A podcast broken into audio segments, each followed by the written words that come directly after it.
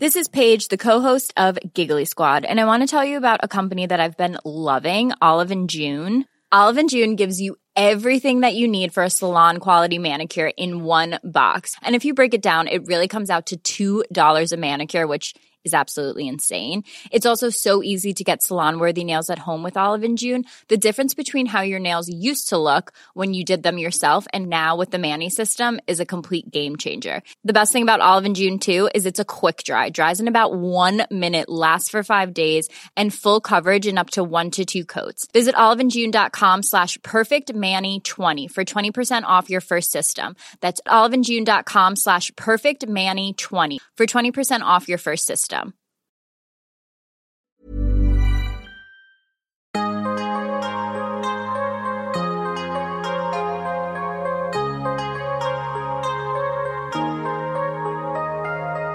Vores mentale sundhed er nedadgående, og det er til trods for, at vi aldrig har været rigere, aldrig har haft flere muligheder og aldrig har levet længere.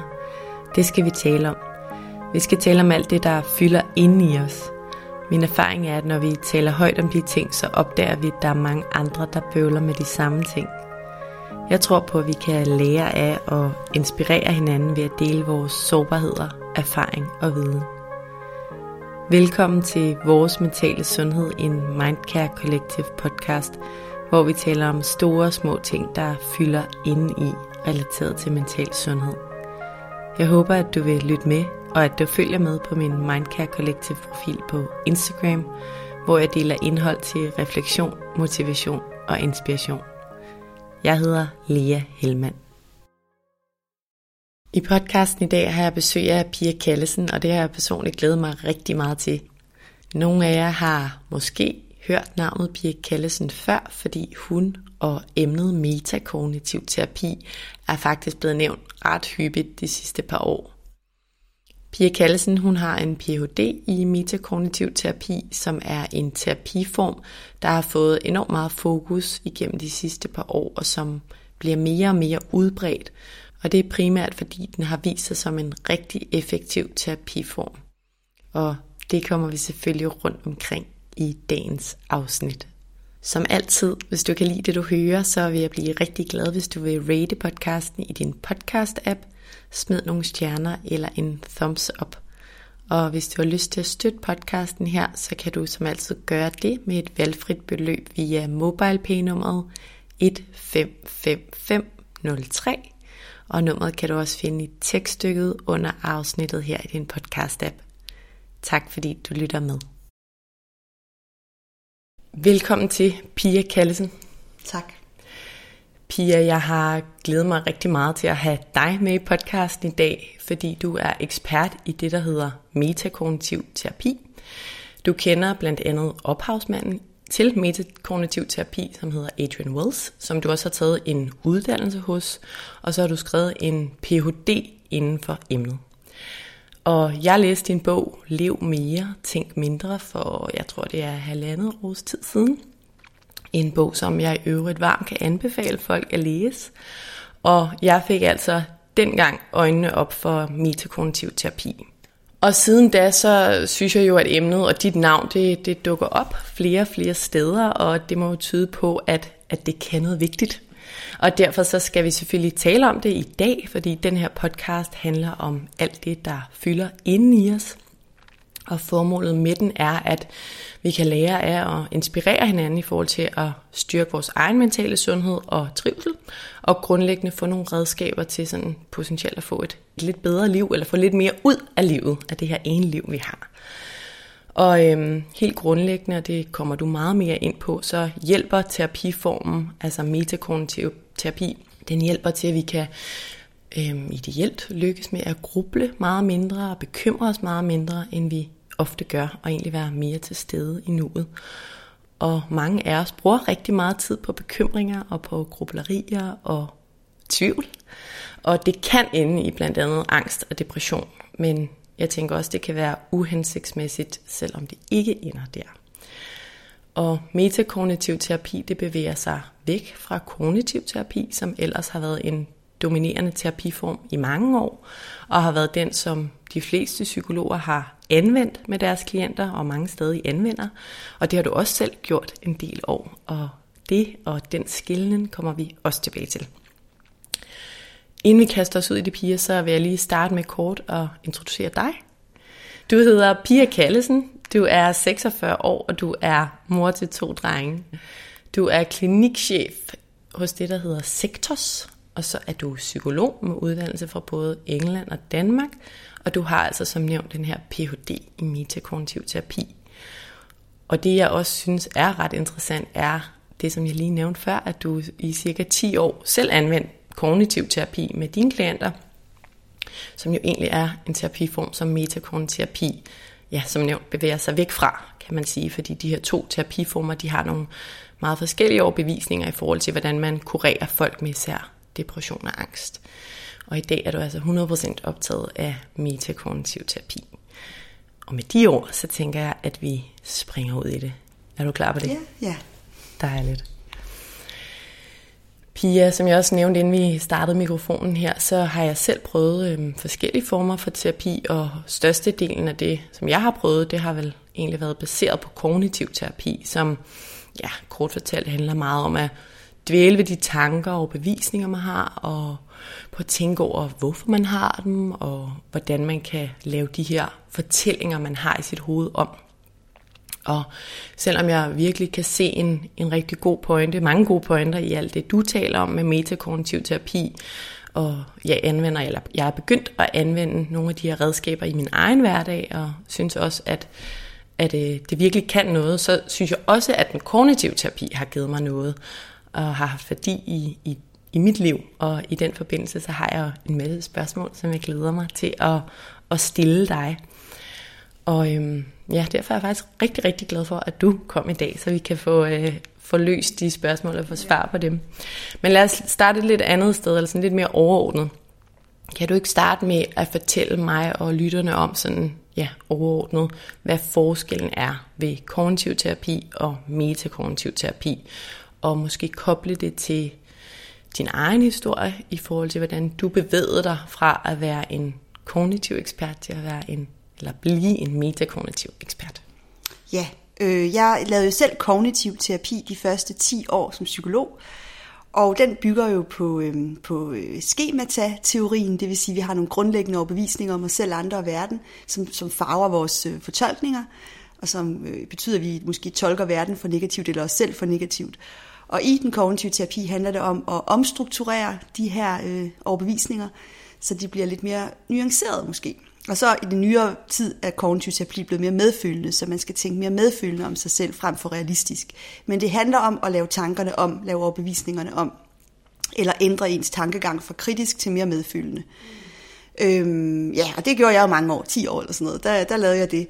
Øh, men så mødte jeg jo Adrian Wells, da jeg lavede min Ph.D., og han havde forsket i årsagerne til psykisk lidelse. Altså han har brugt 30 år på at finde ud af, hvad er egentlig årsagen? Er det arv, miljø, hvor mange problemer man har, hvor, meget, hvor stor ens selvværd er. Altså, det, hvad, er, hvad er den vigtigste faktor, der adskiller de mennesker, der bliver angst og depressive, fra dem, der ikke gør? Og de her faktorer havde jo alle sammen betydning i en vis grad, men den vigtigste faktor, han identificerede, var, hvor meget tid vi bruger på tanker og følelser. Øh, og det er jo der, hvor det metakognitive blev skabt, kan man sige, for det bygger jo på, øh, på selvreguleringssindet, øh, altså at sindet er selvregulerende, med mindre vi bruger tid på tanker og følelser, så forhindrer vi eller forlænger vi den der selvregulering, som ellers bare naturligt finder sted. Og det øh, skabte jo lidt øh, en, en, en, tsunami i mig, fordi jeg tænkte, oh my god, nu har jeg jo bare siddet og brugt tid på tanker og følelser. Det har jeg jo gjort i kognitiv terapi. Der sidder man og bruger tid på tanker og følelser. Det er jo ligesom det, det man laver. Og så skulle folk også hjem og bruge tid på, på deres tanker og følelser som hjemmeopgave. Så jeg bad folk om at gå hjem med omstruktureringsskemaer og bruge tid på at øh, vende deres tankegang. Og nu viste det sig, at der var så meget data, der stod tyde på, at det var for meget tid, der var den vigtigste faktor. Jeg kunne, kunne næppe løse angst og depression med mere tid, kan man sige. Så det vendte det op og ned. Og, og så prøvede jeg jo det af, selvfølgelig. I starten prøvede jeg det jo lidt af. Det var en del af PUD'en, at halvdelen fik kognitiv, og halvdelen fik metakognitiv. Men det stod ret hurtigt klart, at det at lære folk at bruge mindre tid, var den hurtigste vej til Rom. Altså der kom de bare meget hurtigere ud af angst og depression, end at prøve at lære folk at tænke mere positivt om sig selv og verden. Ja, fordi der er nogle behandlingsresultater, som egentlig viser, at, at det ja, sort på hvidt er mere meget, effektivt. Meget godt, og de sammenligningsstudier, der er med kognitiv terapi, der er det også bedre. Ja. Så. Da, du, da du dengang udførte kognitiv terapi, tænkte du, da du var i det, at der var noget galt i Nej, faktisk overhovedet ikke. Jeg var bare op, altså jeg, jeg tænkte bare, at jeg lavede evidensbaseret terapi, og øh, andre terapeuter, der lavede andre retninger, de var ikke evidensbaseret. Jeg synes bare, det, det kognitive, jeg har altid været meget på forskning, og det skal være evidensbaseret, og øh, der skal noget, nogle studier til, før jeg laver det, og hvis der kommer noget, der viser, at der er bedre, hvis nu, havde, hvis nu mindfulness havde været bedre, så havde jeg gået over det, eller, ja, så jeg ville bare følge, hvad der var mest effektivt. Ja, og ja. nu nævner du mindfulness, og det har jeg også ja. senere et spørgsmål til, men det kommer vi tilbage til. Ja. Men i forhold til det her med, jeg ved ikke, om man kan kalde det behandlingsretter, kan man sætte tal på, hvor effektivt det ene ja, er i forhold til det, det kan man faktisk godt. Man, har, altså man kan jo interviewe folk, hvor, om, de, om de opfylder diagnosen før et studie, så kan man give dem behandling, og så se, om de så opfylder diagnosen bagefter. Og så kan man også vente noget tid for at se, om de så får tilbagefald. Ikke? Øhm, og det er der jo studier, der, der, der viser både små studier med, øhm, med altså fire cases, men også store studier, hvor der måske er 20 i hver gruppe, eller i mit tilfælde over 70 i hver gruppe. Øh, og så er der kontrolgruppestudier, og, øh, altså to aktive terapistudier. Og her ser det ud til, at med depression er det cirka 73 procent, der kommer ud af deres depression med, med metakognitiv terapi, hvor det plejer at ligge på 50 i andre terapiretninger, inklusiv kognitiv terapi. Og for angst er det endnu højere. Hvis, de, hvis vi snakker generaliseret angst, så er vi helt op på 90 procent, der kommer ud af deres generaliserede angst på de her 5-12 sessioner øh, metakognitiv terapi. Så meget, meget potent for generaliseret angst særligt. Og så er der også meget lovende studier med PTSD og OCD, øh, hvor vi ligger på de der cirka 80 procent på tværs. Mm. Men vi er enige om, at det metakognitiv terapi og tilgangen, redskaberne også sagtens kan bruges af folk, som ikke ja, ja. har depression endnu. Ja, ja, altså øh, før, og også til, for, for, til tilbagefaldsforebyggende, ikke? så begynd, prøver folk at blive ved med at bruge de redskaber, de har lært, ikke? og får så ikke tilbagefald. Ja. Pia, jeg har øhm, både været, været til dit foredrag, og som sagt læst din bog, og også hørt nogle podcast med dig før, hvor du har givet i hvert fald ofte det her eksempel med med dit eget liv og din søn, og øhm, ja, hvor du ligesom fik lov virkelig at prøve den her terapiform. Har du lyst til at fortælle lidt om det? Ja, øh, jeg havde mødt Adrian Wells, det er cirka 11 år siden, og jeg havde, jeg havde været i gang med PUD'en i et år, tror jeg. Så jeg havde kendt, jeg kendte det metakognitiv, sådan begynderniveau, kan man sige, eller sådan nogenlunde. Jeg var ligesom, jeg lavede både kognitiv og metakognitiv terapi i det her studie. Øhm, og så, øh, så fødte jeg min første søn, og, øh, og alt var jo godt i starten, men så øh, pludselig havde han sådan nogle mærkelige øh, trækninger. Vi tænkte, det er bare baby, mærkelige trækninger, eller er der noget alvorligt her? Så vi optog det på video og viste det til lægen, øh, som var meget bekymret. Det var bare meget slemt det her, fordi det var infantile spasmer, og vi var nødt til at meget akut gøre noget ved det, fordi ellers så ville han helt sikkert få hjerneskader, fordi det var meget farligt anfald det der. Okay, så det var jo lidt en besked at få som en førstegangsmor, og, og øh, rimelig mange øh, trigger-tanker rumsterede rundt i hovedet på mig med, hvad skal der ske, og hvad nu hvis vi ikke får styr på anfaldene, og hvad med fremtiden, og vi har jo skrevet op til en skole, kan jeg overhovedet klare den skole, vi har skrevet op til, altså alle mulige sådan, hvad nu hvis øh, rumsterede rundt. Og jeg havde jo også brug, øh, lyst til at, at løse øh, problemet og, og blive klog på, hvad det var, han led af, og, og løse det, finde, finde de bedste eksperter i verden, og, og så videre, google mig frem til dem. Øh, og, og det havde jeg også bare gået i gang med, hvis det ikke havde været, fordi jeg havde den nye viden, jeg havde fået. Fordi det år, jeg havde mødt Adrian Wells, der, kunne jeg, der, der gik det jo meget op for mig, at det var den der tid, man brugte, der tog ens overskud og så videre. Så jeg stod i et dilemma, om jeg sådan skulle gå all in, bruge 10 timer om dagen på at google og søge og skrive og alt det der, øh, eller øh, om jeg sådan skulle prøve at begrænse tiden, ikke? og sådan måske holde det på en halv time om dagen, hvis jeg kunne, sådan nogenlunde i hvert fald. Og jeg tænkte, jeg må, jeg, jeg må vælge det sidste, fordi hvis jeg vælger det første, altså hvis jeg grubler 10 timer om dagen, og, øh, så vil jeg jo øh, miste mit nærvær. Altså, jeg vil jo slet ikke nyde de der, den der babytid overhovedet. Altså, han har jo ikke anfald hele tiden, han var også nuttet baby øh, halvdelen af tiden, ikke? Så, så den tid ville jeg jo fuldstændig misse, hvis det var, jeg hele tiden var på nettet, så ville jeg jo ikke nyde den der barselstid overhovedet. Ikke kunne amme, blive stresset, ikke kunne sove. Så jeg tænkte, det går jo ikke. Så jeg, jeg valgte øh, en halv times grubletid. Det var ikke, fordi jeg ikke, altså, det var ikke perfekt. Jeg faldt selvfølgelig i, kl. 10 om formiddagen faldt jeg i. Han fik et anfald, jeg begyndte at bekymre mig. Men så prøvede jeg sådan at lade være med langtidsbekymre mig. Så jeg fik stoppet mig selv sådan inden for en overskuelig tid, måske nogle minutter. Jeg tænkte, det er først kl. 17, vi kigger videre på det. Og så tilbage til at være nærværende. Og så stoppede anfaldet, han var super nuttet igen, og jeg nød hans, jeg skulle amme ham og alt det der hyggelige. Øh, så jeg også nød tiden, ikke? Kunne du mærke på dig selv, at det her, det var, en, det var den rigtige strategi? Ja, det var jo det. Altså, jeg tænkte i hvert fald, at alternativet var værre. Mm. Altså, jeg vil hellere betale med ikke at være så klog på den der lidelse, og så hellere sørge for, at han sådan, psykologisk fik den der øh, øh, connection fra start, ikke? fordi den ville, jo, den ville jo ryge rimelig kraftigt, og plus min mand grublede 10 timer, så der var ikke nogen connection der, så han havde jo ingen følelsesmæssig, hvis jeg bare sad på nettet hele tiden, ikke? så var der bare ingen kontakt, og det tænkte jeg var nærmest værre, end når jeg fandt en klog professor, der kunne, øh, der kunne øh, styre de her ting. Mm. Og i dag, i forhold til, hvordan han har det, er du også glad ja, for, at du tog den strategi? Ja, ja, meget, fordi ja, så viste det sig, at det alligevel ikke gik så slemt, som man kunne frygte, og han har det meget, meget godt i dag. Han har ikke haft anfald længe, og ja, vi øh, blev hjulpet på Rigshospitalet, og nu er vi på sådan en ketogen diæt, vi er ved at trappe ud af. Så, øh, så han har, ja, spiser nærmest normal mad nu. Altså, og det, han har ikke fået anfald, selvom vi er oppe på meget høj procent øh, kulhydrat. Mm. Så ingen anfald stadigvæk, så det var optimistisk. Tak for at dele det. Jeg synes, det er et meget godt eksempel. Og det eksemplificerer jo også det her, som du taler meget om med, at vi har en tendens til at tænke, at jo mere vi tænker over det, jo, jo bedre løsninger får vi. Og det kender jeg jo også for mig selv. Det er faktisk noget, jeg tit tager mig selv i, efter jeg også har læst din bog. Sådan. Og det kan jo være små, små øh, beslutninger egentlig, som bare lige pludselig fylder rigtig meget. Jeg er sådan, åh, oh, vil jeg lige vende og dreje det en gang ja, til? Ja, ja. ja. For at tage en endnu bedre beslutning. Og den bliver ikke bedre af at tænke meget over den.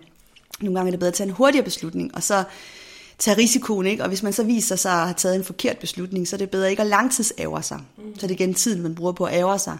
Man kan jo ævre sig i to minutter over en forkert beslutning. Man kan ævre sig tre år non-stop. Øh, og hvis man ævrer sig tre år non-stop, så bliver man depressiv oven, oven i at have taget en forkert beslutning. Ikke? Så. Pia, der var en, der, der skrev til mig forleden dag på min uh, Mindcare Collective Instagram-profil, og fortalte, at øhm, eller spurgte til, fordi hun gerne vil høre lidt mere om depression og angst i forhold til, hvad der egentlig sådan helt lavpraktisk sker inde i hjernen. Jeg ved ikke, kan du fortælle sådan bare helt kort, hvad der egentlig sker hjernemæssigt, når vi får depression eller angst? Ja. Og, og kan man så forklare hjernemæssigt, hvorfor det med at bekymre os mindre hjælper hjernen til at undgå det? Ja, jeg kan i hvert fald øh, altså forklare mekanismen, sådan som øh, det metakognitive ligesom, altså forklarer det. Og øh, i hjernen, jamen der har vi jo hele tiden tanker, 70.000 tanker, der bombarderer os fra vores underbevidsthed konstant. Ikke? Eller ja, de kommer op til bevidstheden. Ikke? Hvad skal vi spise i aften? Hvad kommer der i fjernsynet? Hov, den der duft, den minder mig om min ekskæreste. Alt muligt, der vivler igennem hovedet øh, på daglig basis. Ikke? Det er meget naturligt. Komme op til vores bevidsthed. Øh, og så, har vi jo nogle, så kan vi jo tage nogle strategier på de tanker, Øhm, og det, de strategier, vi kan bruge, er jo for eksempel at dvæle ved tankerne, øh, eller skubbe dem, skubbe dem væk, prøve at putte dem ned i en kasse, eller altså vi kan jo bruge forskellige strategier på de her tanker.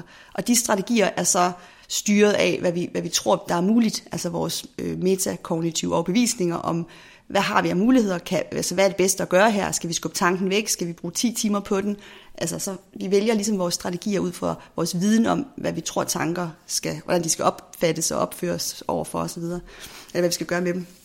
Øh, og så, øh, hvis vi så vælger, øh, fordi vi tænker, det er godt, øh, og grubler og bekymrer os, vi forbereder os osv., jamen hvis vi vælger at gå all in og bekymre os 10 timer om et emne, der er vigtigt for os, så har det bare lige en øh, bagside, der hedder angst.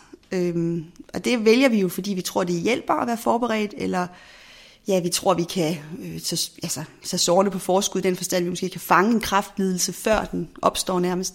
Øhm, eller ja, vi kan bekymre os til at være bedre forberedt, lave færre fejl. Så vi, det er drevet af sådan, vi kalder nytteværdi overbevisningen. Og hvis vi så tænker, det er godt, så bruger vi 10 timer på det, og så bliver vi angste.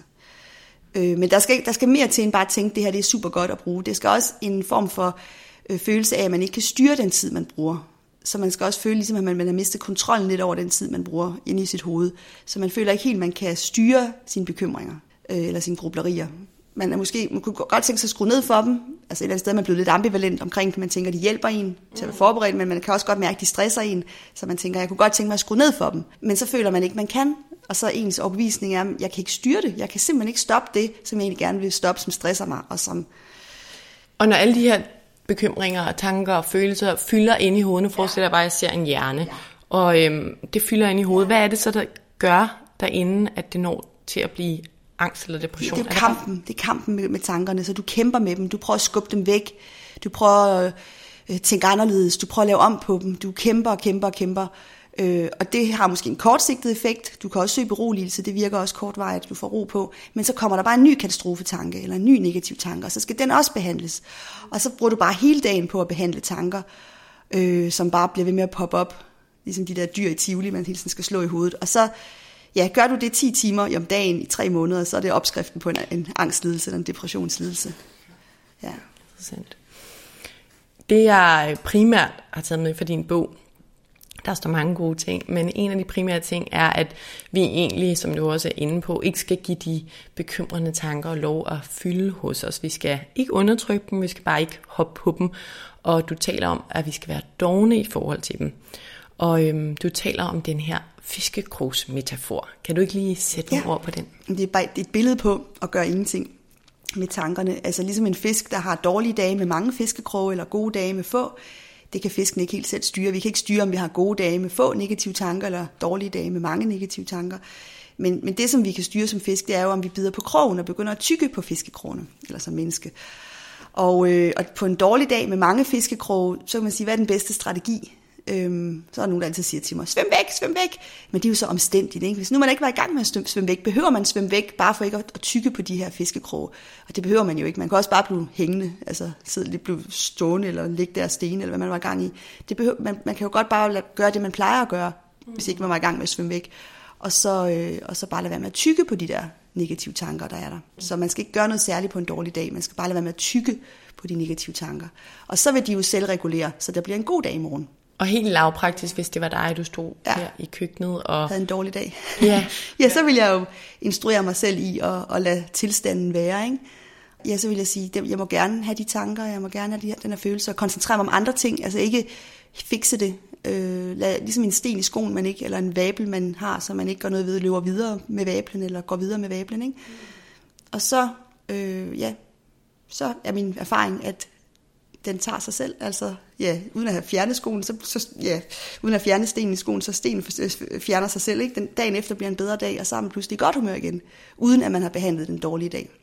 Og man siger også, at både negative og positive tanker, de er jo kortvarige, eller de var ikke for ja, Ja, det er det. Men for nogle af dem, som ikke er så rutineret i det her som dig, er det, sådan, er det noget med at fokusere på de fysiske omgivelser? Ikke hvis det var ikke det, jeg havde planlagt. Altså det, det kommer meget an på, dag, altså hvad er dagens form? Hvad, hvad, hvad laver jeg lige nu? Hvad vil jeg normalt øh, gøre min opmærksomhed?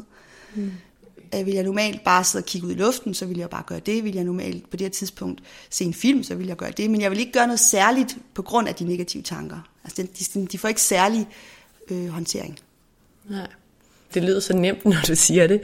Og ja, min erfaring er sådan, for mig virker det at jeg fokuserer på noget fysisk omkring mig, eller faktisk at sige til mig selv, nej Lea, ikke nu. Ja, ja, man skal selvfølgelig stoppe sig selv, hvis man falder i, og begynder at tykke på dem, og så lige sige, nej, det, det, det venter vi lige med til i morgen måske. Og så gider man ikke, fordi dagen efter er meget bedre, ikke? Du taler også om det her, der hedder grubletid. Mm. Kan du ikke fortælle lidt om det? Jamen, det er jo det her med at udskyde øh, tykketiden. Ikke? Så øh, altså, fiskekrogen er der jo stadig, tankerne er der stadig, men man venter ligesom med at tykke på dem, hvis de føles vigtige. Det kan jo være beslutninger, eller dilemmaer, eller et eller andet, man synes, man gerne vil overveje, jamen så kan man jo vente til i morgen eller til senere på dagen. Øhm, for ligesom at give sindet fred og tid til at selvregulere. Fordi oftest opdager man, at venter man til måske fem timer, så har øh, sindet haft fred til at gå i sig selv, og så er det blevet en bedre dag, kan man sige. Hvis man starter med, fra morgenstunden med ret mange negative tanker, så venter med at gruble på dem, altså gøre noget ved dem til kl. 17, bare fortsætter sin morgen, så oplever rigtig mange, at så, så har man det bedre kl. 17, og så gider man slet ikke gruble, fordi så er det gået i sig selv. Mm, kan man sige noget om, hvor, hvor lidt tid man ideelt skal bruge på, på sine tanker og bekymringer? Fordi man kan sige, i forhold til det, jeg hører, så vil det være bedst, hvis vi aldrig hoppet på de her fiskekroge, men jeg tænker også, at der er nogle ting, vi skal planlægge og undersøge i forhold til at få vores hverdag til at fungere. Mm. Øhm, så det, jeg tænker, er, hvor lidt tid burde vi ideelt sætte af til at gruble, og sekundært er det forskelligt fra person til person, hvor meget bekymringstid der er for meget i forhold til, at vi trives. Ja, så lidt som muligt, hvis vi gerne vil bevare nærværet, vil jeg sige. Så lidt tid som muligt. Øh, men det er ikke så meget heller tiden. Det er mere den der styring, at vi føler en styring på det. Så vi godt kan vælge at bruge en hel dag på at bekymre os, og så stoppe igen. Altså det er mere, at man føler, at man, har, man, er, man er dirigent. Altså man er, man er DJ i sine egne bekymringer, men man, man styrer det ligesom selv. Det er det vigtigste så kan man godt have en dag, hvor man binger sine bekymringer, og så bare tager 10 timers bekymringstid, og så stopper man igen. Og den øh, følelse af, at man kan gå ind og ud af det, er meget vigtigere måske end tiden i sig selv. Hvorfor er der forskel på, hvor, hvor meget og hvor lidt vi bekymrer os som mennesker? Jamen det har han også undersøgt, Adrian Wells, fordi da han havde fundet ud af, at det var tiden, så var de næste studier jo meget afgørende. Hvorfor bruger vi tid? Så den, det har han faktisk fået svar på ved at undersøge og spørge folk øh, hvad, hvad, hvorfor de gør det. Øhm, og det svar, folk gav, var primært, jeg kan ikke lade være, altså den der ukontrollerbarhed, som jeg snakkede om før, men man føler ikke, man er ligesom øh, styrer sit eget, sin egen hjerne, man føler ikke, man er DJ i sin egen hjerne, eller her i eget hus, man føler, man, man bliver trukket rundt af de her tanker, og man føler ikke, man kan styre, hvor meget man øh, tænker over dem. Øhm, og det var den vigtigste faktor, der gjorde, at folk brugte 10 timer og ikke en halv. Det var, at de følte ikke, de havde et valg. Øhm, og så var der nogen, der sagde, øh, 10 timer, det er da bare fedt. Altså, jeg har da ikke lyst til at gå ned i tid, så de var bare glade for deres bekymringer. Men, men dem, der var mest forpinte, var dem, der ikke følte, de kunne styre det. Så det er derfor, jeg mener det der med, at styringsoverbevisningen er langt vigtigere, vigtigere end tiden i sig selv. Øh, tiden er ikke så afgørende, hvis du kan styre det, kan man sige. Så dem der, dem, der var glade for deres 10 timer, de var jo glade. De, var, de havde ikke et problem i virkeligheden, fordi så selvom de brugte 10 timer på at bekymre sig, så var de bare glade for deres 10 timer og følte bare, at det gjorde, gav dem noget øh, overskud, rettidig omhu. Det kan godt være, at de var angst, og der var det stresssymptomer, men det var det hele værd. Og de var ikke bange for de der, den der angst og stress. De synes bare, at det var prisen værd for at være bedre forberedt og lave færre fejl. Ikke? Mm. Den kan jeg også godt genkende. Ja, men hvis man kun er glad for sine bekymringer, så, så, gør det, så er man jo glad for de 10 timer. Og kunne ikke overveje, kunne tænke sig at skrue ned for det. Så det er, når, det er mest, når man godt kunne tænke sig at bruge mindre tid, synes, der er en for, for negative konsekvenser i forhold til fordele, altså nærværet ryger og overskud godt tænke sig at skrue ned for det og være mindre forberedt, men man føler ikke, at man bare kan gøre det. Det er der problemet opstår. Det kan jeg også godt genkende. Ja, og det er der, vi, det vi arbejder med, kan man sige, primært i metakognitiv terapi, det er jo den der styring, altså få følelsen af styring tilbage. Ikke? Mm. Ja.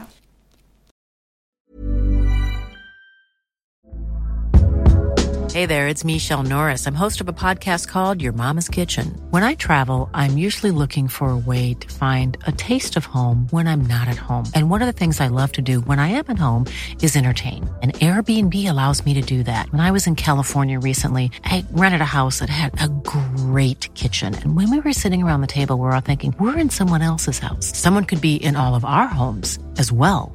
If you have a home, but you're not always at home, you have an Airbnb. Your home might be worth more than you think. Find out how much at airbnb.com/slash host. Hiring for your small business? If you're not looking for professionals on LinkedIn, you're looking in the wrong place. That's like looking for your car keys in a fish tank. LinkedIn helps you hire professionals you can't find anywhere else, even those who aren't actively searching for a new job but might be open to the perfect role. In a given month, over 70% of LinkedIn users don't even visit other leading job sites. So start looking in the right place. With LinkedIn, you can hire professionals like a professional. Post your free job on linkedin.com slash people today.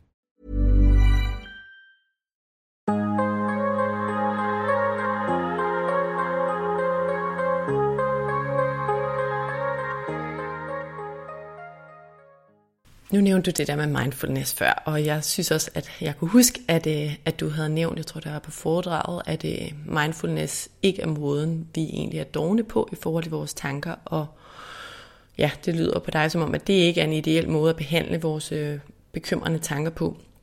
Og da jeg hørte det, der blev jeg faktisk lidt forvirret, fordi som øh, jeg også var inde på lige før, så, så det er en måde, som, som jeg blandt andet kan få mine bekymrende tanker væk på, det er ved at være til stede i nuet og fokusere på noget sanseligt, for eksempel ved min krop, eller ved at trække vejret dybt og fokusere på min vejrtrækning. Og det siger man jo også omkring meditation, altså det er jo egentlig det, det er, at det man, er, man er opmærksom på sine tanker, men man forfølger dem ikke, altså man observerer dem som, som skyer på en himmel og lader dem passere.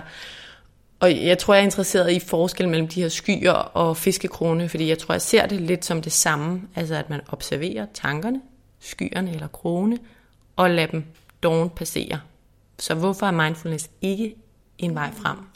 Ja, ja Eller ord, det, det er mere de ord, man bruger i mindfulness, som, som, øh, som har nogle ladninger på også. Altså for eksempel, man skal møde sine tanker med accept og, øh, og beginners mind og sådan nogle. Der er nogle koncepter, hvor, hvor det ikke er sådan, altså, hvor man ikke bare lader sit mindset være, men hvor man skal have et særligt mindset over for tankerne. Og så, så nævnte du selv noget med at passere. Øh, hvilket også lover for meget. Altså i metakognitiv terapi er det ikke så relevant, om de passerer.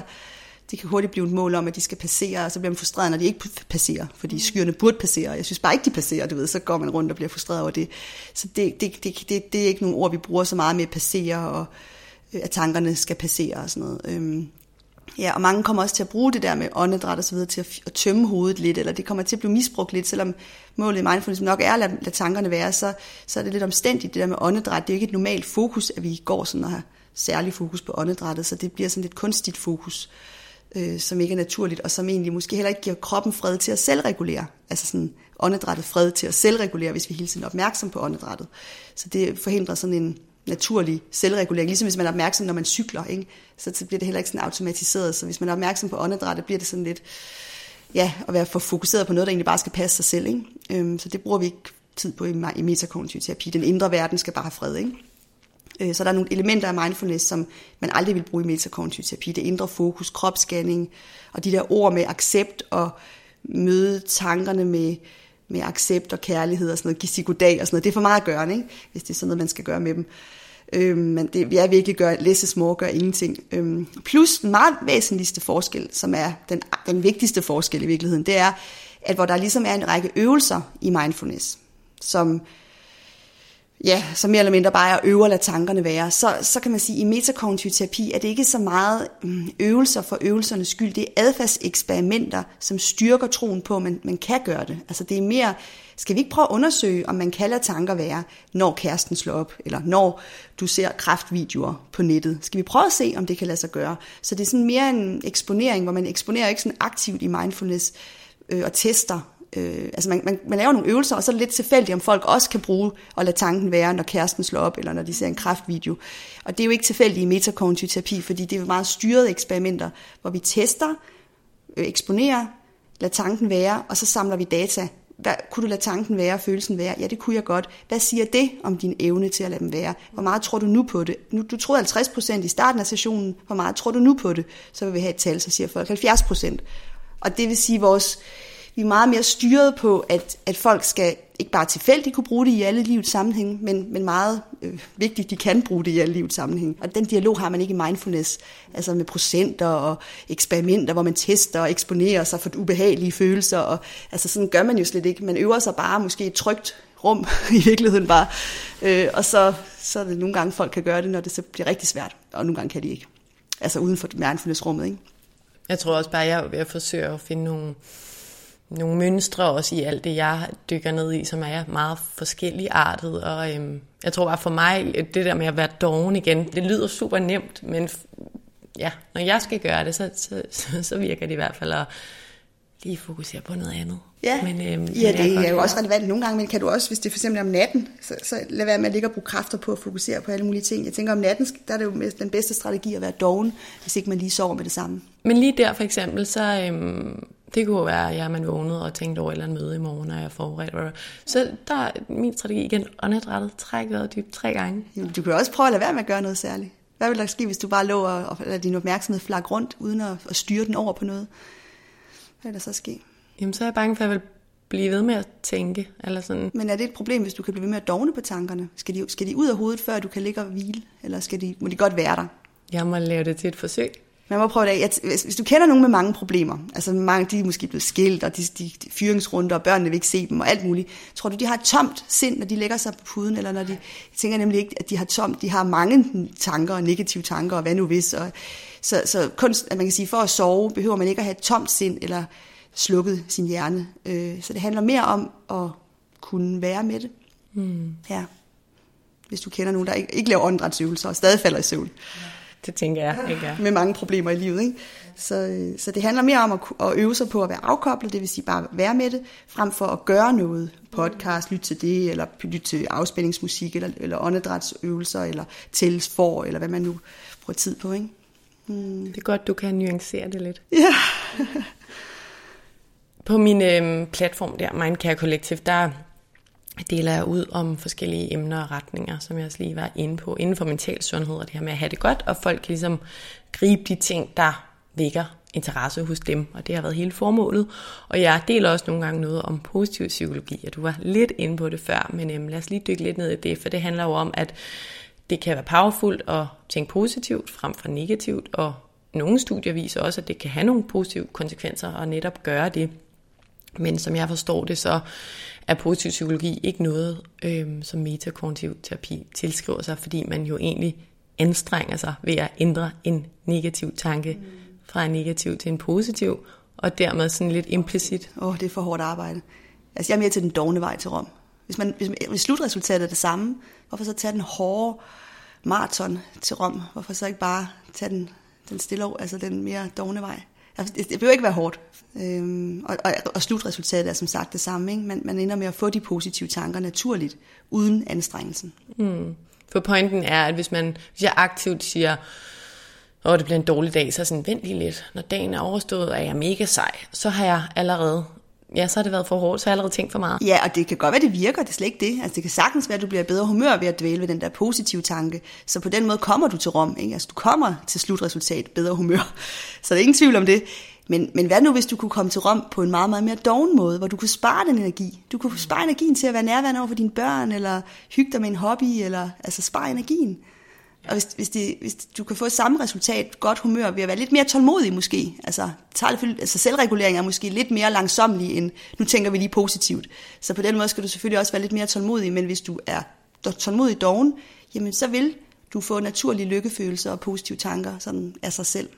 Hvad med sådan positive tanker generelt? Fordi hvad nu hvis jeg bare om morgenen har til vane at sige noget positivt til mig selv? Det er vel fint nok, ikke? Øh, jo, jo, altså det, man kan sige. Men hvis du nu, altså man kan også bare kræfterne. Øh, det, det er jo et valg, ikke? Altså det er jo et valg. Ja, altså, jeg, jeg tænker bare, at jeg er meget doven anlagt, så jeg tænker, hvis jeg nu, hvis det bliver en god dag alligevel, så kan jeg da spare den energi, og så have lidt mere overskud til resten af dagen. så, så får man, det kan jo være, det kommer af sig selv, og det på den måde, ja, så fik man det bare lidt senere på dagen. Ikke lige så hurtigt måske, men, men fik det. Hmm. Lad os øh, dykke lidt ned i øh, kognitiv terapi, som jeg jo nævnte i indledningen. Jeg har i hvert fald med tiden, synes jeg, selv nogle gange fået noget ud af at gå ind i en overbevisning. Forstå, hvorfor jeg har den her overbevisning, og så ligesom forsøgt at anerkende den, og måske, måske også lave den om. Jeg ved godt, det ikke lyder godt i dine ører, men, men et eksempel kunne være med, at du ved, jeg, øh, jeg har det med at undgå fejl. Det er noget, der har fyldt meget i mig, og som jeg arbejder med. Og lad os sige, at en, jeg får en kritisk kommentar, og det kan fylde meget hos mig. Og øh, du ved, jeg kan virkelig mærke den i maven. Og så kan jeg godt finde på at tænke sådan, holy ja, hvorfor får du egentlig ondt i maven? Og ja, det var den der kommentar. Og så tænker jeg, hvorfor er det nu, du føler sådan? Og så kan jeg godt finde på at kigge på det, jeg har lært, eller sådan at kigget ind i om min barndom, og nu nævner jeg bare et eksempel, at min mor for eksempel var meget sådan performanceorienteret og fremadstræbende, og hun ville gerne undgå sine fejl, og så tænke, nå ja, det giver god mening, at jeg har du ved, lært at få den her følelse, og lad mig lige give den lille pige ind i mig en krammer, og så sige, det forstår jeg godt, du føler, det er ikke sandhed, noget af den stil. Det er et meget simplificeret eksempel, som alligevel jo lyder, jeg kan godt, jeg kan godt mærke, når jeg fortæller processen højt, så lyder det jo hårdt, men, men ja, og det er jo i strid med metakognitiv i strid med metakognitiv terapi og den måde, det opererer på. Men betyder det, at jeg aldrig skal gøre sådan? kan du styre det? Kan du mandag gøre det, tirsdag lade være, onsdag gøre det, torsdag lade være? Ja. ja. Så kan du prøve det af. Man kunne lave sådan et eksperiment, hvor man tog en uge med og en uge uden, og så gjorde man status. Mm. Og så kan man jo tage den derfra. Hvis du så tænker, det var faktisk rart en uge, hvor jeg gjorde det der, mm. så fortsætter du med at gøre det. Hvis du tænker, den uge, hvor jeg ikke gjorde det, der havde det sgu lige så godt. Det gik lige så hurtigt væk. Og jeg, altså, så kan du jo vælge at lade være med. Altså, så man kan jo nogle gange lave sådan nogle små hjemmeeksperimenter, hvor man ligesom holder fri fra sine strategier og tester, om man nu vil tilbage fra sin ferie. Altså, du ved, man, man prøver lige at holde en lille ferie fra strategierne, bare lige en uge, og så gør man status, om der er skadevirkning, øh, eller man skal tilbage. Fordi det, hvis det så viser sig, at man hellere vil øh, sine gamle strategier, så gør man jo dem. Hvis man viser sig, at det nye er bedre, så kan man jo fortsætte med den dogne vej. Så nogle gange kan man teste det lidt, ikke? Ja. Du siger, at du kan styre det. Det virker i hvert fald for mig, synes jeg, at nogle gange gå ned i det, nogle gange ikke. Og det er også igen hele formålet med Mindcare Collective, at folk kan ligesom få inspiration til det, der kan virke for dem. Men i din optik, så vil du ikke sige, du ved, der var nogle problemer, hvor det var hensigtsmæssigt at dykke ned Nej, det, det vil jeg ikke sige, der var noget af. Altså, jeg, jeg var lige til sådan en fest her i lørdag, så det var sådan meget, øh, hun fik nærmest tik sin parterapeuten, jeg talte med. Meget stor, dygtig parterapeut. Det var sådan en fest for psykologer, tror jeg. Og så, så, kommer, så snakker vi lidt sammen, og så, øh, så siger jeg så til hende, måske også, at jeg havde fået lidt at drikke, så siger jeg til hende, altså i metakognitiv terapi, vi har, det er faktisk ikke engang løgn, vi laver faktisk metakognitiv parterapi, så, så beder vi vores par om kun at skændes kl. 8 til 8.30, og det giver altså et godt parforhold. Og så kigger hun bare på mig, ah! Øh, og så siger det er utroligt, hvad folk kan så, når de så kommer til klokken 8, så kan de pludselig snakke girafsprog, og man behøver ikke træne kommunikation med dem, fordi når de ikke er ude af kampen sidde, altså klokken 10 er de jo oppe i køre, men hvis de lader det være til klokken 8, så har det dampet af, og så kan de meget bedre tale om deres problemer på en fornuftig måde. Og så siger hun så, ja, ja, ja, men det er jo overfladisk, fordi at under alt de der, alle de der trigger, der ligger der jo en dyb, dyb svigt i alle. Så det er ligesom kernen af alle parforholdsproblemer, det er svigtet, svigtfølelsen. Og så siger jeg, jo, og den skal vi jo arbejde med, siger hun så. Vi skal jo arbejde med svigtfølelsen. Og så siger jeg, ja, vi kan også bare lade den selvregulere og lade den være. Og så får hun bare totalt tiks i øjnene og kigger bare på mig, som om jeg er fuldstændig fra en anden planet. Ikke? og så tænker så bliver vi enige om, at vi skal ikke snakke mere om metoder. Og bare op i barn og finde ud af det. Okay. Så det siger sådan lidt om, hvor, hvor anderledes det er. Ikke? Øh, så det, hun vil jo aldrig lade en svigtfølelse selvregulere. Det vil jo være fuldstændig nærmest uetisk i hendes verden. Så det siger bare lidt om forskellen, ikke? Øhm, hvor der er mange veje til Rom. Og det kobler lidt til det der, du siger med, at, øh, at sindet er som en si. Ja, det selvregulerer. Ikke? Så svigtet selvregulerer. Med mindre man arbejder for hårdt på det, så kan man komme til at forlænge selvreguleringen. Hvad hvis man er blevet, øh, hvad hvis man er blevet svigtet? Jamen det er man oftest jo, men, ja. men så kommer man til at holde liv i den gamle, oprindelige, øh, sande følelse. Hvis man hele tiden arbejder med den, så kommer man ufrivilligt til at fastholde den. Men hvad hvis det er noget virkelig alvorligt? Incest i barnet? Ja, vi er, jo, vi er jo heldigvis bygget sådan, vi kan, vi kan hele. Altså også, øh, ligesom vores krop øh, er bygget til at hele, selv efter brud, altså øh, selv efter alvorlige brud, altså knoglebrud. Altså vi, kan, altså vi er jo enormt øh, standhaftige til at hele, altså sådan helt terminatoragtigt kan vi jo hele efter øh, øh brandskader og alt muligt. Det kan sindet også. Så det vil sige, at kroppen kan hele, sindet kan hele. Så efter et voldsomt traumatisk traume, incest, livstruende, voldtægt, altså så videre, så har man det skidt. Det er der ingen tvivl om. Det har man jo også efter en brandskade. Det sviger, det, sviger, øh, det gør ondt, altså der er smerter. Så det er der ingen tvivl om, at der er symptomer også psykisk efter sådan en traume. Men statistisk set er det kun en ud af tre, der udvikler PTSD senere hen, altså efter en incest, efter en voldtægt. Så, din, så du har ikke en 100% Øh, PTSD-sandsynlighed, hvor det ligesom fylder også senere, hvor du bliver mærket af det og invalideret af det. Øhm, øh, så, så to ud af tre heler. Det er jo en god, god nyhed, ikke? Og det tyder på, at vi har evnen til at hele, hvis vi bruger de rette strategier. Så man kan sige, selvom alle tre har det skidt efterfølgende, så er det jo ikke alle tre, der bliver ved med at kæmpe med tankerne, undertrykke dem, gruble, forsøge at løse dem, forsøge at ændre på dem. Og de øh, to, der ligesom opgiver den, det projekt, det heler jo så og de, øh, ja, de, det fylder ikke, incesten fylder jo så ikke senere hen. Så hvis nu, lad os sige, at jeg havde oplevet det i barndommen, det har ja. jeg ikke, men øhm, så vil du slet ikke sige, at jeg skulle gå ind Nej, i det? det behøver du ikke. Altså, du skal heller ikke undertrykke det jo. Det skal jo have lov, og ligesom et sår eller en brændsår, det skal jo selvfølgelig have noget luft, og være der og give, altså faserne skal ligesom gennemleves, men, men du skal ikke gøre noget øh, sådan mentalt aktivt.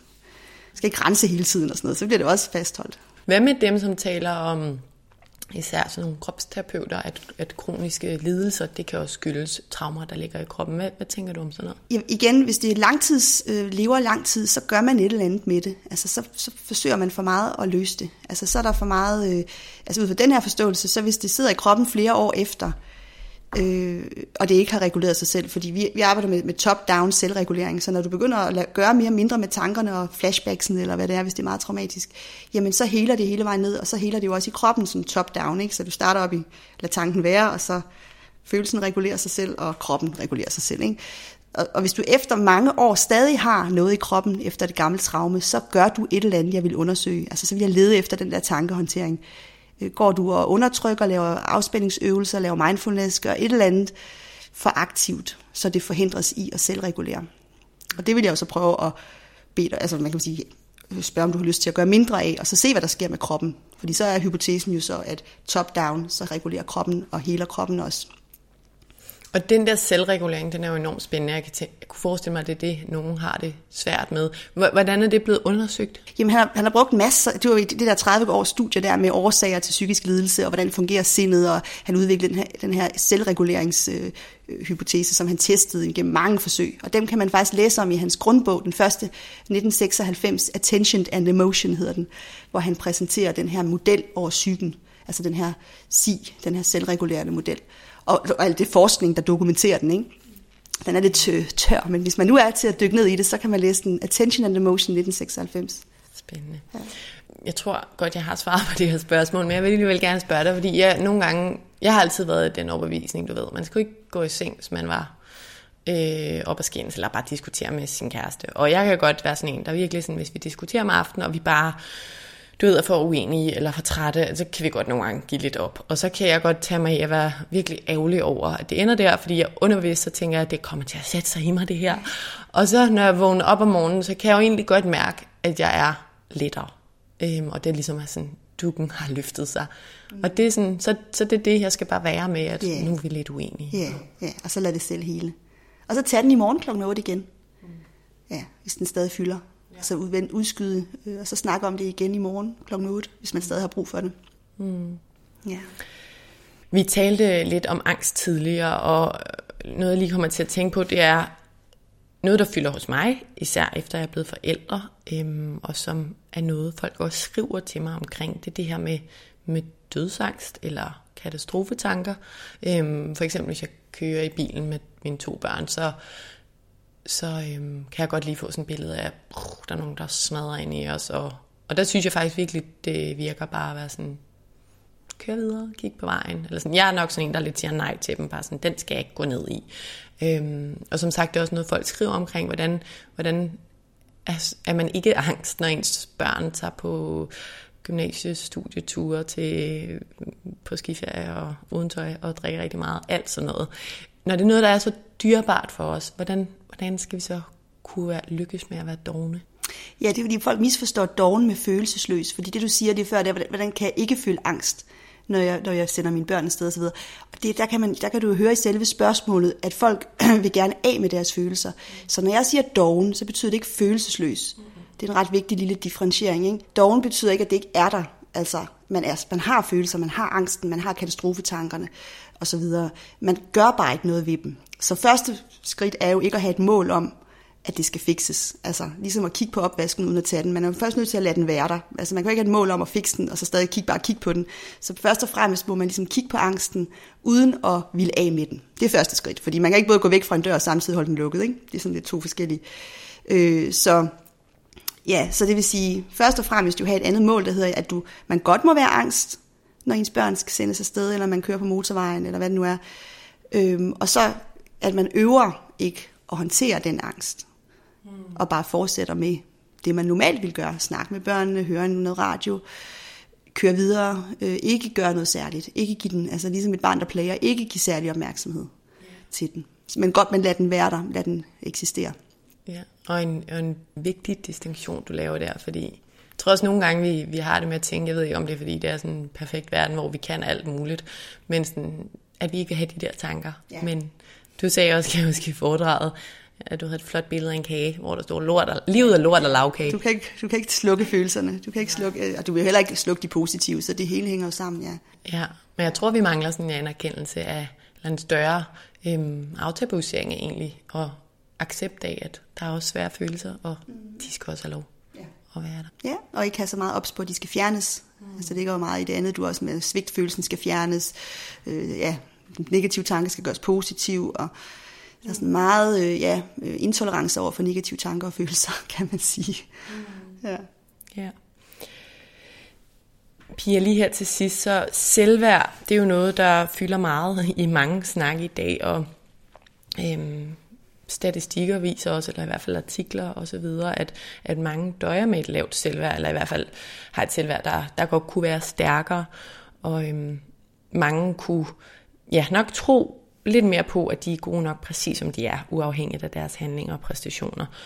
Mit spørgsmål er så, vil du så også sige, at man egentlig kan styrke sit selvværd med metakognitiv terapi, ved ligesom bare ja, være doven i forhold til den der indre kritiker, vi jo, vi jo alle sammen har på den ene eller anden måde? Eller ja, ja, det interessante her er jo også, at ens selvbillede selvregulerer.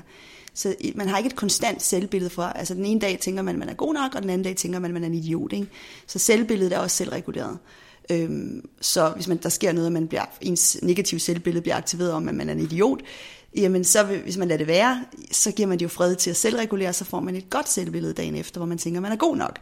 Så det normale selvværd er ikke sådan et, et altid godt, jeg er god nok øh, selvbillede, men et meget, meget varieret selvbillede. Så jeg vil hellere sige, øh, i stedet for at opbygge et selvværd, så handler det jo mere om at lade selvværdet selvregulere, så man får gode dage naturligt, og man føler sig god nok. Mm. Øhm, altså at det kommer hurtigere til en. Mm. hvis ikke man grubler på en dårlig dag, hvor man ikke føler sig god nok, ikke? så holder man jo ikke liv i den selvforståelse, så længe i hvert fald. Så får man ikke kronisk lavt selvværd. Man får selvfølgelig stadig en dag, hvor man føler lavt selvværd, men man får det ikke kronisk i hvert fald. Er der lavet studier på det? Ja, der er faktisk nogle små øh, self-esteem and metacognitive therapy, øh, hvor man behandler dem som et grubleproblem og, og dokumenterer, folk for et bedre selvværd, i hvert fald flere dage med bedre selvværd, end de plejer at have. Ja, interessant. Her helt til sidst, Pia, vil, øh, vil du så ikke nævne tre pointer eller tre reminders til, til mig og til lytterne, eller gentage dem, hvis det, hvis det er det, der er det vigtigste. Men i forhold til, til din faglige viden og din personlige erfaring omkring metakoneterapi, hvad er det så, hvad er de tre ting, vi skal huske at tage med? Øh, ja, det handler jo, altså det, ja, det, det tre ting, at sindet er en si, at øh, det selvregulerer, og selv den dårligste dag bliver god igen, hvis man lader være med at kæmpe for meget, og øhm, der er mange veje til Rom, øh, og den vej, jeg repræsenterer, er den meget, øh, hvor man ikke gør noget, det er virkelig gør ingenting øh, for at, at give det fred til at gå i sig selv. Og det øh, er måske lidt mere, det tager lidt længere tid, men det er stadigvæk ikke, stadig ret hurtigt øh, og mere effektivt også, hvis man ikke gør så meget. Øh, og langtidseffekten er meget god. Så ja, hvad skal jeg sige? Hvad, hvad tre vigtigste pointer?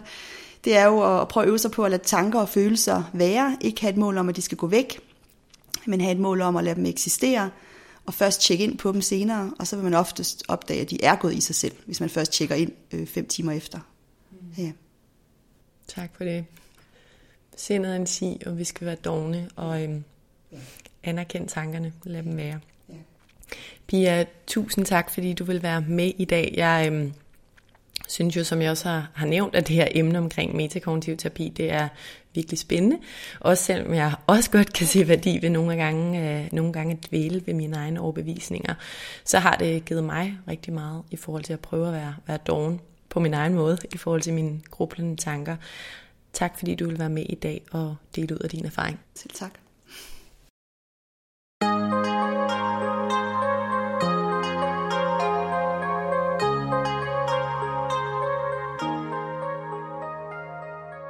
Jeg synes, at det var så dejligt at have Pia Kallesen med i afsnittet i dag, fordi jeg synes virkelig, at det virker til, at metakognitiv terapi, det kan noget. Og jeg kan selv mærke, at det tit hjælper mig, hvis der dukker nogle uhensigtsmæssige tanker op, så ligesom at ignorere dem, eller som Pia kalder det, at være doven i forhold til dem. Det har jeg i hvert fald haft god erfaring med. Som jeg også nævnte i afsnit, så er jeg personligt doven i forhold til mine tanker ved at tænke på noget andet, for eksempel en fysisk sans. Det kunne for eksempel være min datters hånd i min hånd, eller på mit åndedræt, eller noget som det. Og som det lød på piger, så kan vi være endnu mere dogne end, end på den måde, jeg er det. Og det er jo op til jer at prøve det af, hvis I har lyst. Jeg synes ordet meta i metakognitiv terapi, det er vigtigt at understrege i forhold til forståelsen af terapiformen. For som Pia nævner, så det mest afgørende, det er tiden, vi bruger på vores tanker, men altså også, hvordan vi tænker om at tænke og om at bekymre os. Så det er for eksempel afgørende, om vi inderst inde tror på, at vi kan komme til en bedre løsning ved at gruble meget, eller om vi vælger at tro på, at meget grubleri ikke nødvendigvis bringer os tættere på en bedre løsning. Og så synes jeg også, det der med grubletid, det er relevant at gentage, for det giver så meget god mening, synes jeg. Altså hvis en negativ eller bekymret tanke dukker op om morgenen, og man så vælger, at det må man først bekymre sig om klokken 18 for eksempel, så kan jeg godt se, hvordan den tanke eller bekymring tit er meget mindre, eller måske endda forduftet helt, når klokken er 18. Og så vil det jo være spild af tid og tankekraft at have tykket en masse på den fra morgenstunden, og måske også en stor del af dagen. Derudover så synes jeg også, at der er en pointe i det der med, at livet er lort og lavkage, som Pia har udtalt det før. Det er en point, jeg synes er meget god at tage med. Og det linker jo egentlig også til den point, jeg tit omtaler på Mindcare Collective, at livet kommer med medgang og med modgang, og det skal vi anerkende, og det skal vi kunne være i. For det er en kendskærning, som vi må leve bedst muligt med, i stedet for at forsøge at få modgangen og de svære følelser til at forsvinde. Til slut så vil jeg bare lige nævne, at vi jo alle sammen er forskellige, og jeg synes, at mange af de metakognitive tanker, de giver rigtig god mening, men jeg vil personligt nok stadig også dyrke nogle andre ting, især meditation, men også det der med til tider at dykke ned i noget, om det så er nogle særlige tanker eller overbevisninger eller noget svigt eller sorg. For mig der virker nogle ting til noget, og nogle ting til noget andet. Og så er jeg også stadig i fuld gang med at lære, og det tænker jeg, at jeg bliver ved med hele livet. Og så har vi jo heldigvis hver især lov til at vælge og vurdere, hvad der virker for os. Tusind tak, fordi du lyttede med i dag. Hvis du kunne lide det, du hørte, så håber jeg, at du vil trykke på subscribe-knappen, så du altid ved, hvornår der udkommer et nyt afsnit. Du må også meget gerne rate podcasten her og skrive en kommentar i kommentarfeltet herunder, hvis du har noget på hjerte. Du er som nævnt også altid meget velkommen til at støtte podcasten her med et valgfrit beløb, hvis du kan lide det, du hører og gerne vil høre mere som det. Det kan du gøre via MobilePay til nummeret 155503, som du også finder i tekststykket herunder.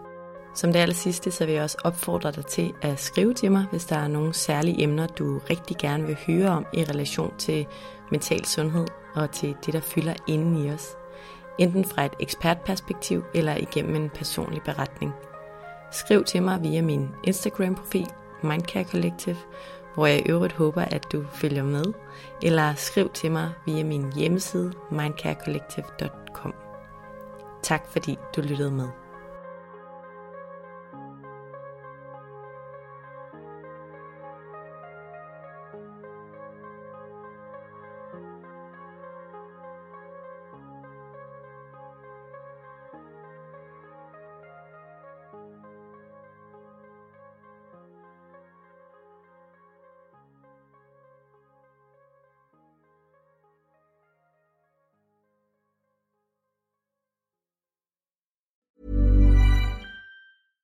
Hey, it's Paige DeSorbo from Giggly Squad. High quality fashion without the price tag. Say hello to Quince. I'm snagging high-end essentials like cozy cashmere sweaters, sleek leather jackets, fine jewelry, and so much more. With Quince being 50 to 80% less than similar brands. And they partner with factories that prioritize safe, ethical, and responsible manufacturing. I love that. Luxury quality within reach. Go to quince.com slash style to get free shipping and 365 day returns on your next order. Quince.com slash style. Mom deserves the best, and there's no better place to shop for Mother's Day than Whole Foods Market. They're your destination for unbeatable savings, from premium gifts to show-stopping flowers and irresistible desserts. Start by saving 33% with Prime on all body care and candles. Then get a 15-stem bunch of tulips for just $9.99 each with Prime. Round out Mom's menu with festive rosé, irresistible berry chantilly cake, and more special treats. Come celebrate Mother's Day at Whole Foods Market.